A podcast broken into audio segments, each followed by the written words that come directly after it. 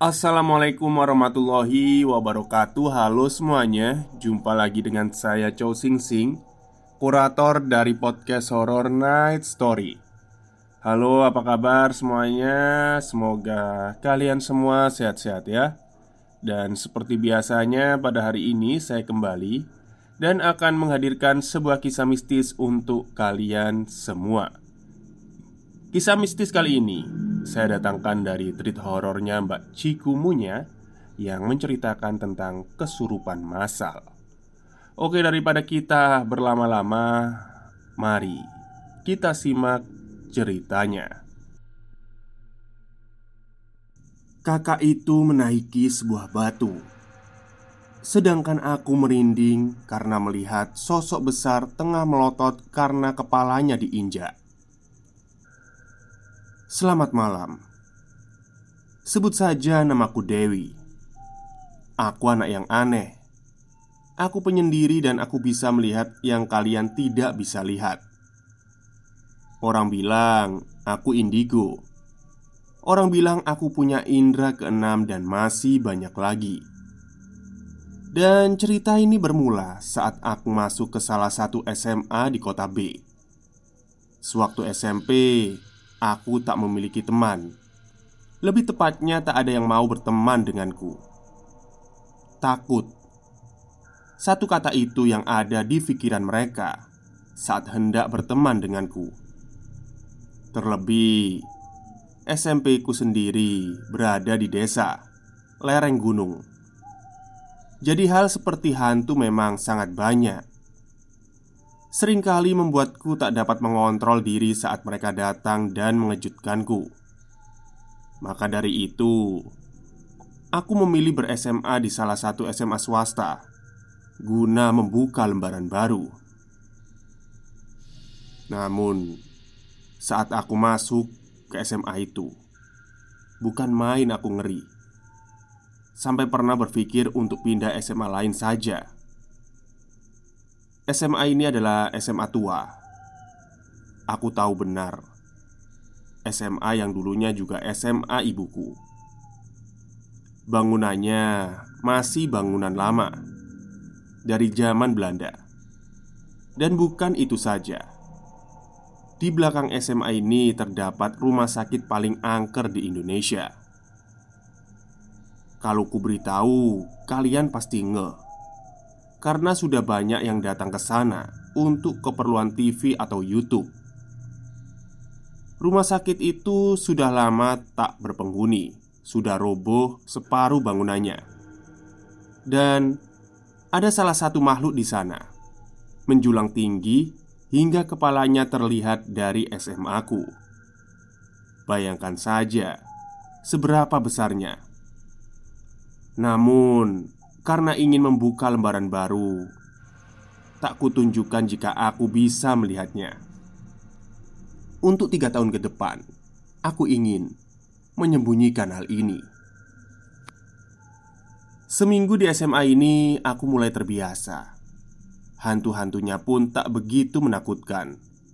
Mungkin hanya hantu dari rumah sakit itu yang menakutkan. Taulah, kalau hantu dari rumah sakit pasti banyak luka dan berdarah-darah. Selepas upacara, aku berkumpul bersama kawanku seangkatan. Hanya informasi, sekolahku tidak pernah ada pramuka. Aku pun tak tahu kenapa. Yang pasti, pramuka diadakan lagi saat aku masuk ke SMA ini. Waktu itu aku dan kawanku berkumpul untuk pemilihan pramuka inti. Jadi, ada pramuka wajib dan ada pula pramuka inti. Dan aku adalah salah satu yang memilih untuk masuk ke pramuka inti. Tidak ada alasan yang spesifik. Hanya saja setiap siswa diwajibkan memiliki minimal satu ekstrakurikuler. Dan hal itulah yang membuatku memilih pramuka. Karena backgroundku sendiri SMP negeri yang sudah tidak asing dengan pramuka Itulah sebabnya aku berpikir ini akan mudah. Setelah mengikuti beberapa pertemuan, minggu depan akan diadakan diklat. Aku sendiri sudah memiliki dua kawan dekat. yang dengan senang hati berkawan denganku. Yang satu namanya Julius, panggilannya Uus. Yang satu lagi namanya Laras. Laras ini sinden cilik yang lumayan kondang di desanya. Karena sudah sering ikut pagelaran wayang kulit, namun karena di rumahnya dia sering sendirian, akhirnya dia menyibukkan diri dengan banyak ekskul. Salah satunya pramuka. Dan untuk minggu depan pun tempat diklat sudah ditentukan Namun karena panitia sendiri dari anak PA atau pecinta alam Karena sekali lagi tak ada ekskul pramuka sebelum angkatanku Mereka memilih tempat yang lumayan jauh.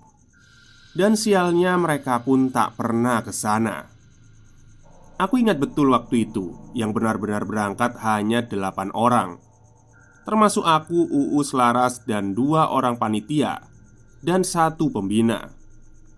Yang tahu persisnya tempat itu adalah pembinaku Namanya Pak Ato Setelah memberikan pengarahan Kita pun dibawa ke sebuah bukit yang cukup rukut Rukut sendiri berarti banyak pohon-pohonnya Tempatnya sangat rimbun dengan jalan setapak yang hanya bisa dilewati oleh satu orang Hal itu membuat kita harus berbaris. Sesampainya di bukit, kita mendirikan tiga tenda. Karena jumlah dari kita yang sangat sedikit, panitia dan peserta tidur dalam satu tempat. Jadi, yang satu tenda cewek, yang satunya lagi tenda cowok, sedangkan satu tenda sisanya untuk menaruh barang dan bahan makanan. Selesai mendirikan tenda, aku melihat sosok perempuan tengah mengintip di balik pohon. Aku sudah memperkirakan hal ini akan terjadi.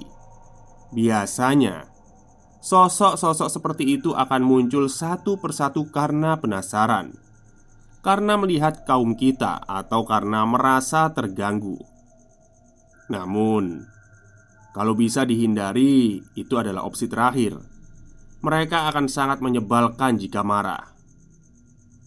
Setelah memasang tenda, kita disuruh berkumpul. Ya, ini adalah bagian termenyebalkan dalam sebuah diklat Pembentukan mental Saya mau kalian semua di sini kuat bukan hanya secara fisik ya Namun juga mental Maka dari itu Kami sudah mempersiapkan hal yang menarik untuk kalian semua Kata salah satu kakak panitia Namanya Lydia Hei, denger gak? Kata Lydia mengeplak kepala Uus Yang sontak membuat Uus memandang dengan tatapan sinis Kenapa? Gak suka? Kata salah satu seorang kawan Lydia Bernama Bagas Saya manusia kak Tolong dimanusiakan Kata Uus lantang Wah, tai ini orang Kata Bagas kesal Aku tak ingat apa saja yang panitia itu katakan. Yang pasti, aura dari mereka mengundang banyak makhluk untuk datang. Hehehe, sudah, sudah, kata Pak Ato melerai. Namun, walaupun sudah tidak marah, panitia itu menyuruhku dan empat orang lainnya memakan sesuatu yang digelar di daun pisang. Aku ingat betul, itu adalah sesuatu seperti nasi yang dicampur dengan sayur yang diaduk menjadi satu, sehingga terlihat seperti muntahan orang. Aku bukan hanya geli, namun ingin muntah saat itu juga, dan kulihat kawanku pun tidak jauh berbeda. Makan, habisin. Kalau sampai nggak habis, nanti malam kalian nggak bakal dapat makan.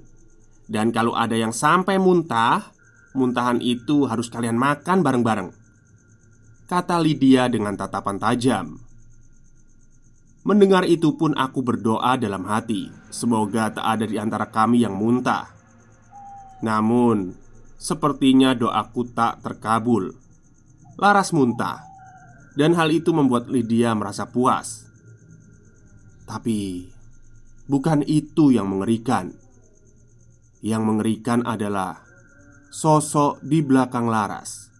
yang tengah menatap Lydia. Sesuai konsekuensi, kita semua makan muntahan itu, dan jangan tanya rasanya, karena akan sangat susah untuk kudeskripsikan. Namun, akan lebih mudah untuk mendeskripsikan sosok di belakang Laras. Aku tahu betul itu Batur, sosok yang dipelihara untuk menjadi penjaga Sepertinya dia tengah bereaksi atas aura dari badan tuanya. Sebenarnya aku sudah melihatnya beberapa kali. Perawakannya wanita Jawa dengan rambut yang disanggul, memakai kebaya berwarna merah dan jari berwarna putih. Wajahnya sangat cantik, namun tatapannya kosong. Itulah yang aku lihat di hari biasa tidak seperti hari ini. Karena tuannya merasa tidak nyaman, dia pun berubah wujudnya.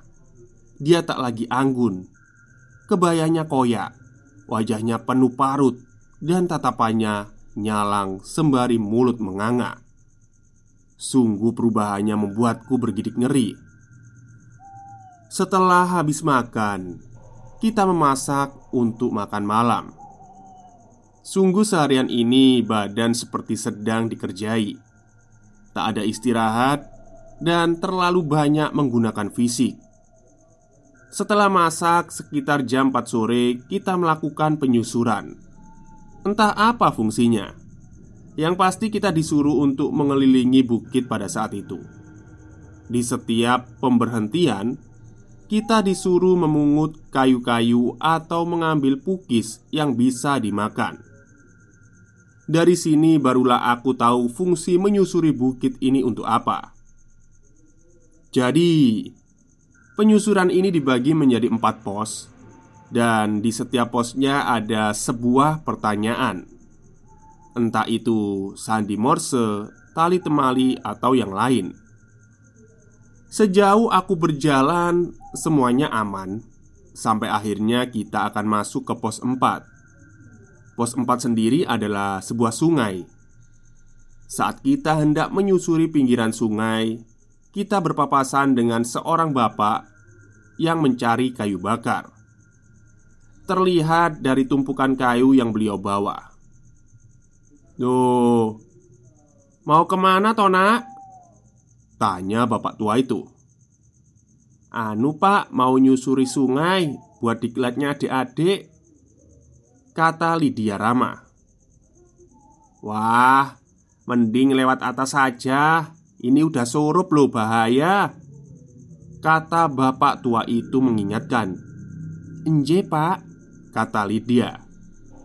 Namun saat bapak itu sudah menjauh Ternyata Lydia Tidak mengindahkan kata-kata bapak itu. Saat itu hari sudah mulai gelap Semburat merah di langit sudah mulai menampakkan dirinya dan kita masih menyusuri sungai itu. Karena kita cuma bertuju, aku ingat betul jika ganjil yang mengenapi adalah dan benar. Aku melihat sesosok perempuan menyejajari langkah kaki Rudi. Aku yang menganggap ini tak beres, meminta untuk kita menuruti saja kata bapak-bapak tadi. Kak, maaf, mending kita lewat atas aja. Kataku, kenapa? Percaya sama bapak-bapak tadi? Kata Bagas menyala. Bukan gitu, Kak. Halah, kata Lydia memotong. Karena kesal, Bagas pun menaiki sebuah batu agar jelas melihat keseluruhan dari kami. Lalu berbicara dengan intonasi yang keras. Eh, kalau kalian semua nggak mau diatur dan nggak bisa diatur Lebih baik kalian pulang saja. Bikin repot aja. Kata Bagas. Namun Bukan main takutku Saat melihat yang dinaiki bukan sebuah batu Melainkan kepala Dari sebuah makhluk besar. Sedangkan makhluk itu melihat Bagas dengan tatapan mengerikan.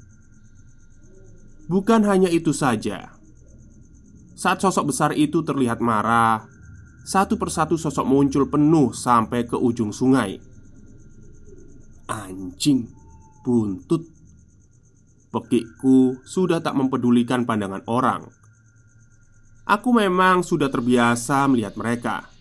Namun untuk melihat jumlah yang sangat banyak begini Sungguh baru pertama kali Aku memang pernah dengar dari mbahku. Kalau yang dominan pasti punya buntut. Dan Dia bukan main. Salah satu dari kita menginjak sosok yang paling dominan di daerah itu. Kak, lebih baik kita pulang aja Balik ke tenda Kataku setengah berteriak. Weh bocah! Baru dibilangin kalau jangan ngerepotin Kata kakak itu menghentakkan kakinya kesal Astaga gusti. Kataku saat sosok itu berdiri di belakang kakak itu. Wajah sosok yang tadinya hitam menjadi merah menyala. Gigi taringnya keluar dari sela-sela mulut. Namun karena auraku terlalu kentara Tatapan buto itu mengarah ke arahku. Kamu bisa lihat aku ya? Kata buto itu dengan suara besar. Bilang ke anak ini Aku nggak terima kepalaku diinjak-injak Katanya dengan menatapku. Astaga Badanku gemetaran Tapi mati rasa. Mau ngomong pun berat Macam hilang suaraku. Kak Kak kata sosok di belakang Dia nggak terima kepalanya diinjak Kataku terbata Eh Kamu itu ngelindur ya? Sosok apa? Kepala siapa? Ini batu tahu? Kata Dimas kembali menghentak kakinya Eh, lancang kalian Kata sosok itu kesal bukan main Kak, awas kak Kataku saat buto itu Mencoba masuk ke badan kakak tingkatku Dan terjadilah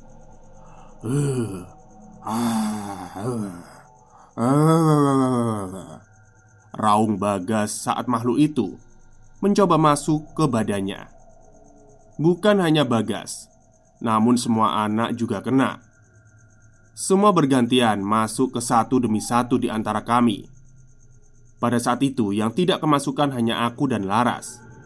Namun, Laras sendiri punya batur, dan baturlah yang menempati tubuh Laras. Aku meringkuk, menutup telingaku. Aku tak tahu harus berbuat apa. Aku pada saat itu hanya anak berusia 15 tahun yang terjebak di antara orang yang kesurupan. Namun, tak lama setelah kejadian, terdengar suara yang membuatku meraup sadar. "Wih, Dewi!" kata guru pembinaku sembari mengguncang-guncangkan bahuku. "Huh, Pak," kataku menahan isak tangis. Sungai masih sangat ramai. Di air di tepian di pohon-pohon semua makhluk seakan datang dengan raut wajah yang marah. Pastilah karena tuanya yang diusik. Guruku pun dengan sigap membacakan doa sembari memegangi teman-temanku satu persatu. Namun ternyata tidak semudah itu. Satu hilang, yang lain masuk. Begitu seterusnya. Dewi, cuma kamu yang gak kesurupan. Bisa bantu bapak? Bantu apa pak? Tanyaku terbata dan tangis Kamu lihat itu ada jembatan Kamu lewati itu Di sana ada jalan setapak. Ikutin terus. Di sana ada pemukiman warga. Kita bisa minta bantuan ke mereka. Karena kalau enggak Takutnya sampai malam kita di sini terus. Sejujurnya ingin sekali aku menolak.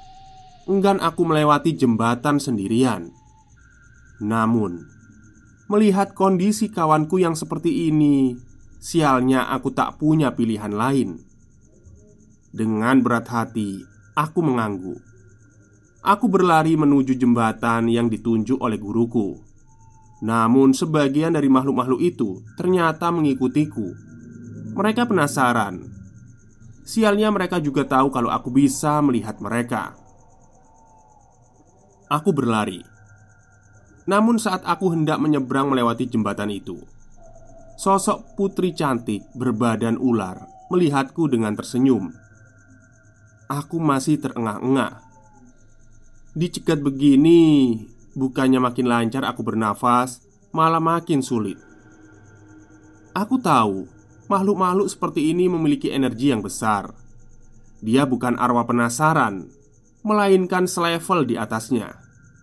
Mbahku bilang mereka adalah siluman yang menjadi sepertinya biasanya semasa hidup mengabdikan diri ke makhluk-makhluk seperti ini.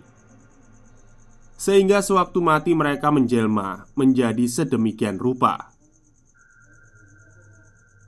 Aku ingin ikut kamu Kata sosok itu.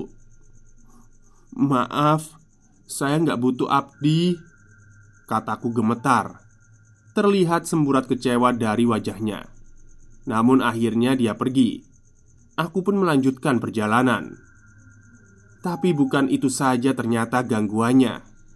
Saat aku melewati jalan setapak pun tercium bau yang sangat wangi Bau bunga kopi. Namun persetan dengan bau itu Sampai aku melihat sesuatu berbaju putih jatuh dari pohon tepat di depanku Asuh! Teriakku kaget.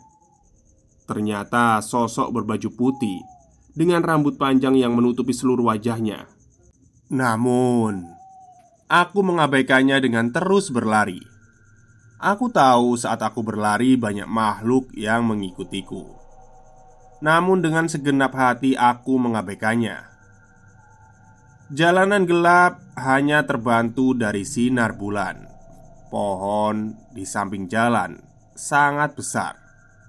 Dan aku sendirian. Semua seperti sedang menelanku di kegelapan Sedangkan rumah warga belum juga kutemui. Yang penting lari saja dulu. Gumamku dalam hati.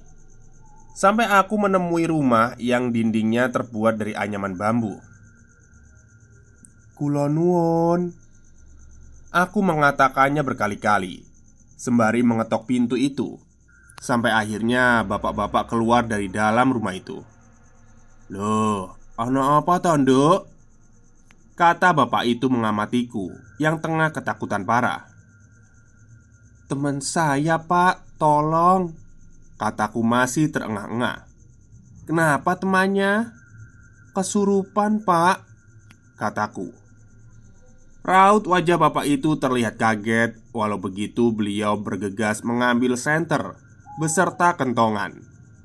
Diketuknya kentongan itu beberapa kali Membuat satu persatu warga desa keluar Sampai akhirnya ada sekitar dua puluhan orang saat ditanya kronologinya, aku pun bilang untuk ke sana dulu saja karena kesurupannya masal, dan hanya guruku yang tidak kena.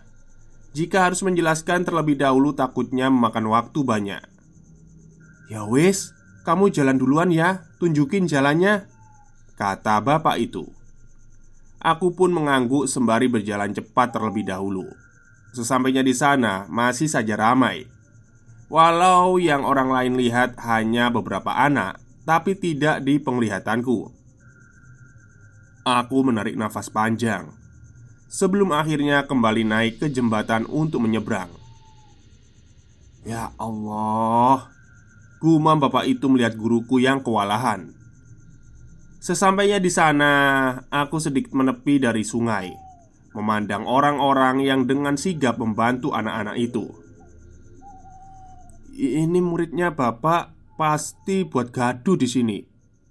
Soalnya sampai kayak gini loh.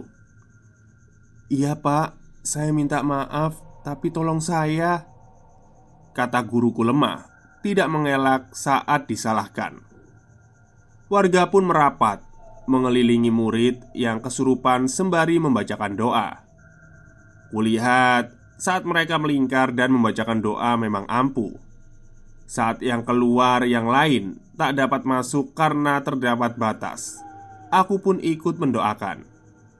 Dan syukurlah, selang beberapa menit mereka sadar walau dengan badan yang lemas.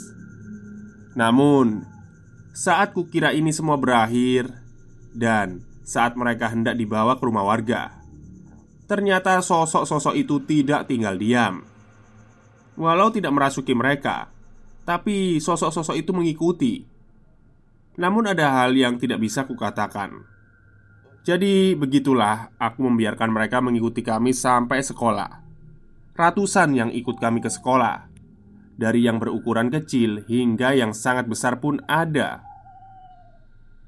Hari Senin di sekolah. Hari Senin disambut oleh kejadian hampir seluruh siswa kesurupan bentrokan energi. Kebetulan dari kemarin mereka tak dapat masuk ke dalam sekolah karena banyak makhluk lain yang membatasi wilayah sekolah sebagai teritorial wilayah mereka. Namun, karena mereka merasa tak puas, mereka pun memaksa masuk, dan inilah yang terjadi: bentrokan energi. Hal itu membuat mereka masuk ke tubuh murid-murid agar terhindar dari makhluk lain yang ada di sekolahku. Wi, bantuin bapak Kata guruku yang kewalahan memegangi murid yang lain. Uus pun sama. Dia juga tengah membantu guru lain untuk memegangi murid lain. Namun Fokusku teralihkan ke ruang kesenian. Ah, sial Aku melihat kawanku masuk ke sana. Aku pun membuntutinya.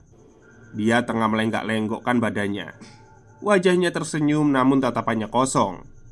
Persis seperti saat di sungai waktu itu. Laras! Panggilku saat aku sudah di ambang pintu kesenian. Namun Tak ada jawaban darinya. Temanmu itu kurang ajar Pengganggu Perusak Kata Laras pelan Aku menahan nafasku saat Laras mendekatiku seperti tengah membenciku setengah mati. Mereka tak akan bisa hilang. Harus ada penawaran, katanya lagi. Dahiku berkerut. Kata-kata penawaran seperti memenuhi kepalaku. Ternyata bukan hanya aku yang dengar. Guru pembina pramuka ternyata sedari tadi ada di belakangku, tengah memperhatikan dengan seksama. "Apa yang mereka mau?" tanyaku. Tanya padanya Tanya pada temanmu yang lancang itu Saat aku akan menjawab guruku menarik lenganku Sembari menggelengkan kepala Menandakan aku tak perlu menanyakan sesuatu padanya Ada hal yang tidak perlu ditanyakan Kata guruku sembari menarikku Kamu pasti tahu siapa bilang keladinya Kata guruku Sedangkan aku hanya mengangguk Menunjuk salah satu murid yang tengah kesurupan Dengan sigap guruku menuju ke arah yang aku maksud Membawanya pada sosok yang tengah duduk bersila Hah? Ke sini kamu toh? Apa yang kamu mau? Hmm, dupa Arab itu cukup untuk menebus kelakuan anak buahmu. Guruku mengangguk. Paham sembari mengurut keningnya. Besok jam 9 Sekarang bawa temanmu dari tubuh muridku. Akan kubawakan dupa Arab. Satu persatu murid pulang dengan kondisi lemas Dan bersyukur tidak terjadi apa-apa. Wi Besok bakal ada kejadian yang lebih dari ini Sekarang kamu pulang istirahat ya Kata Pak Ato. Tanpa disuruh pun aku beranjak pulang. Keesokan paginya aku datang sedikit telat. Dari gerbang sekolah aku melihat Pak Ato Tengah celingukan lalu mendadak senyum saat melihatku.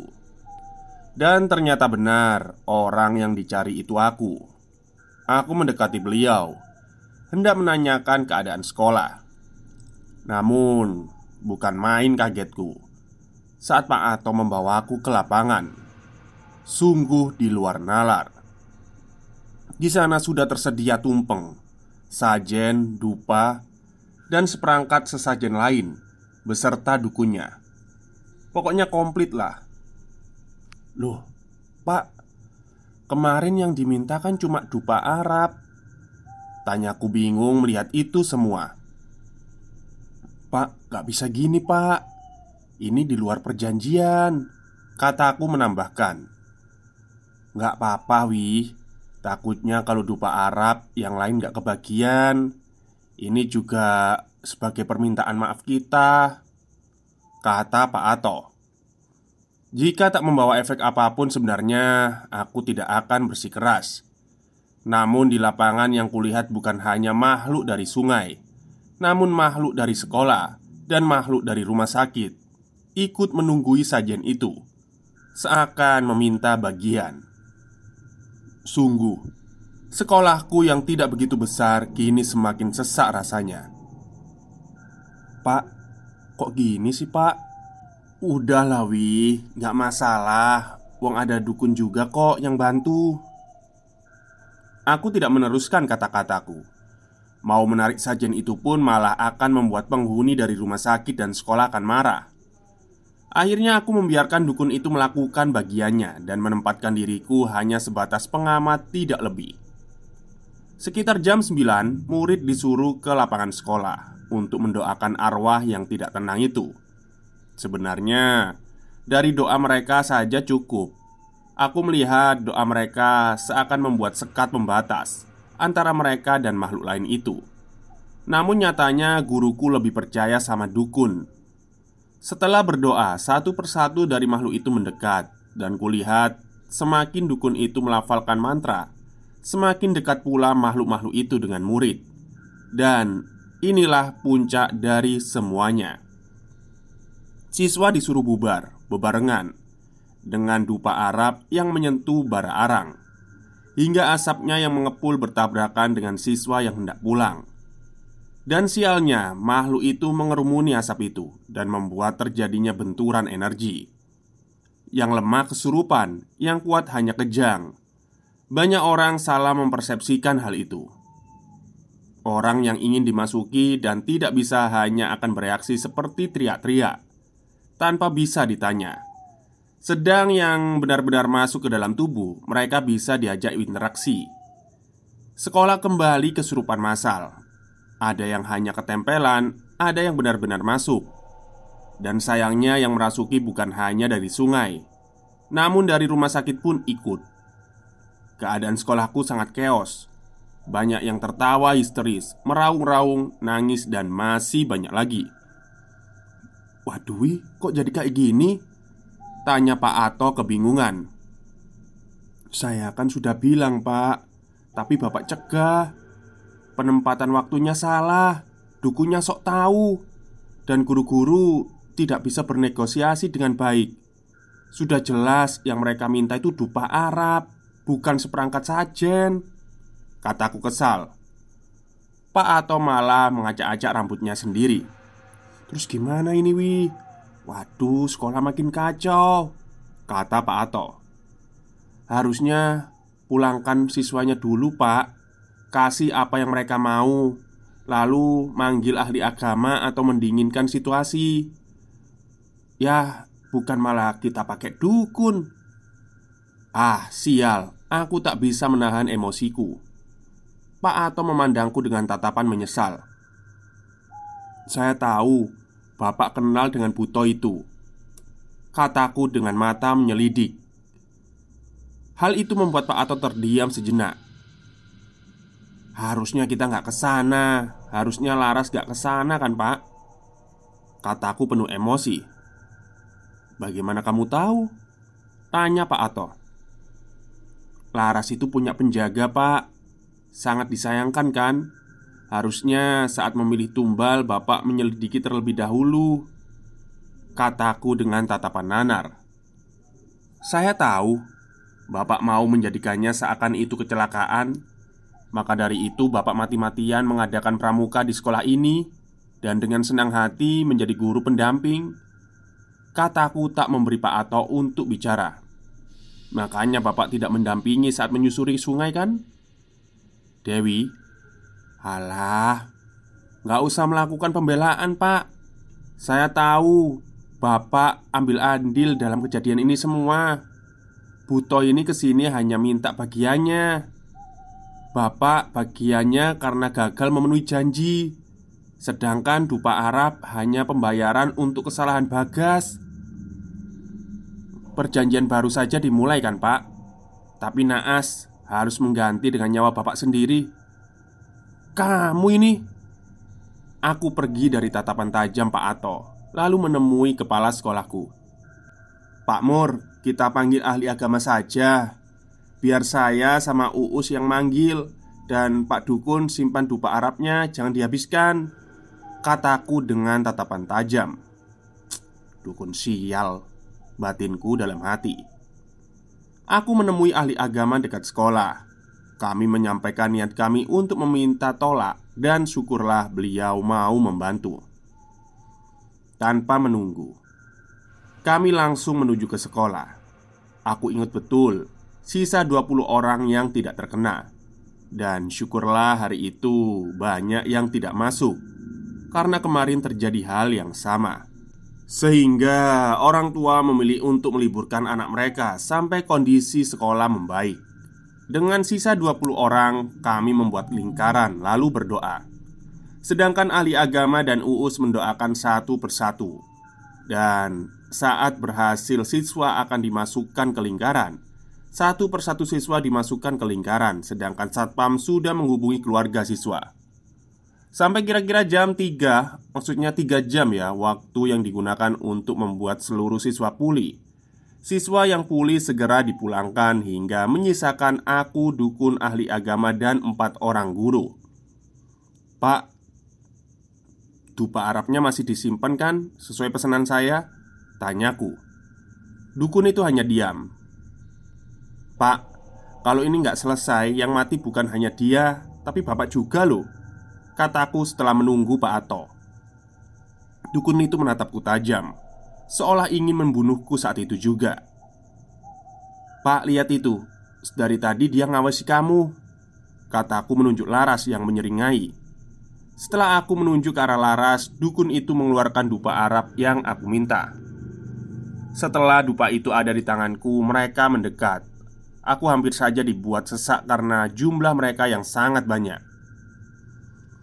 Ini sebagai permintaan maaf. Ini untuk kesalahan kawanku. Ini untuk ketidaktahuan kami. Ini untuk setiap kesalahan yang kami lakukan. Dengan ini kami menolakmu, dan dengan ini pula kami mengantarmu pulang. Silahkan ambil bagianmu. Bagianmu tidak ada di antara aku dan kawan-kawanku. Aku mengatakan itu sembari menabur sedikit demi sedikit dupa Arab yang ada di tanganku. Dan begitulah satu persatu di antara mereka menghilang Menyisakan penghuni rumah sakit dan penghuni sekolah. Kalian juga pulang. Kalian sudah banyak mengambil bagian Kataku sembari memandang mereka. Setidaknya itulah yang bisa aku lihat. Walau yang orang lain lihat sajian itu masih utuh Setelah semua hilang, aku menghampiri Pak Ato. Pak, semua itu ada konsekuensinya.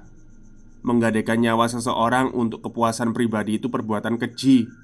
Semoga ini semua bisa jadi pelajaran. Aku pergi tanpa menunggu jawaban menghampiri Laras yang duduk dalam rengkuhan Uus. Dia pingsan, mungkin saja karena energinya terkuras banyak. Terima kasih, kata seorang di balik tubuh Laras. Tak ada balasan dariku, hanya senyum yang kusunggingkan dengan terpaksa. Mengetahui guruku memiliki andil dalam masalah ini, dan sebentar lagi mati bukanlah hal yang menyenangkan. Namun, aku sangat berterima kasih pada sosok yang ada di belakang Laras. Masih terekam jelas kejadian tadi malam, kejadian paling menyeramkan dalam hidupku, di mana beliau menungguku di ambang pintu dengan raut wajah mengerikan mengira aku juga membuat tuannya terancam dalam bahaya. Dan ternyata bocah yang dia maksud bukan Bagas, tapi Pak Ato. Ternyata beliau mengincar Laras sudah sangat lama. Mengetahui fakta itu menjadikan semua kejadian tidak abu-abu dan membuat semuanya sangat jelas sekarang. Aku menyunggingkan senyum sekali lagi, lalu membopong Laras untuk mengantarnya pulang. Itulah kisah yang hingga kini tidak dapat aku lupakan. Pak Ato meninggal sebulan setelah kejadian. Aku pun melayat saat itu. Beliau meninggal karena gangguan jiwa orang bilang. Karena sebelum meninggal, beliau selalu berteriak seperti orang ketakutan. Padahal aku tahu betul penyebab ketakutannya. Itu sedikit kisah yang dapat aku bagikan, dan semoga kalian menyukainya. Salam Dewi Lestanti. Oke, itulah cerita panjang dari Mbak Cikumunya yang uh, menceritakan dengan tentang pengalaman seseorang ya. Jadi orang ini memiliki suatu bakat indihome dalam dirinya dan uh, enaknya dia bisa ngontrol gitu ya. Kan kebanyakan orang indihome itu nggak bisa ngontrol terus ya tahulah maksudnya. Jadi kayak takut sendiri gitu. Oke, mungkin itu saja cerita untuk malam hari ini. Semoga kalian suka. Selamat malam dan selamat beristirahat.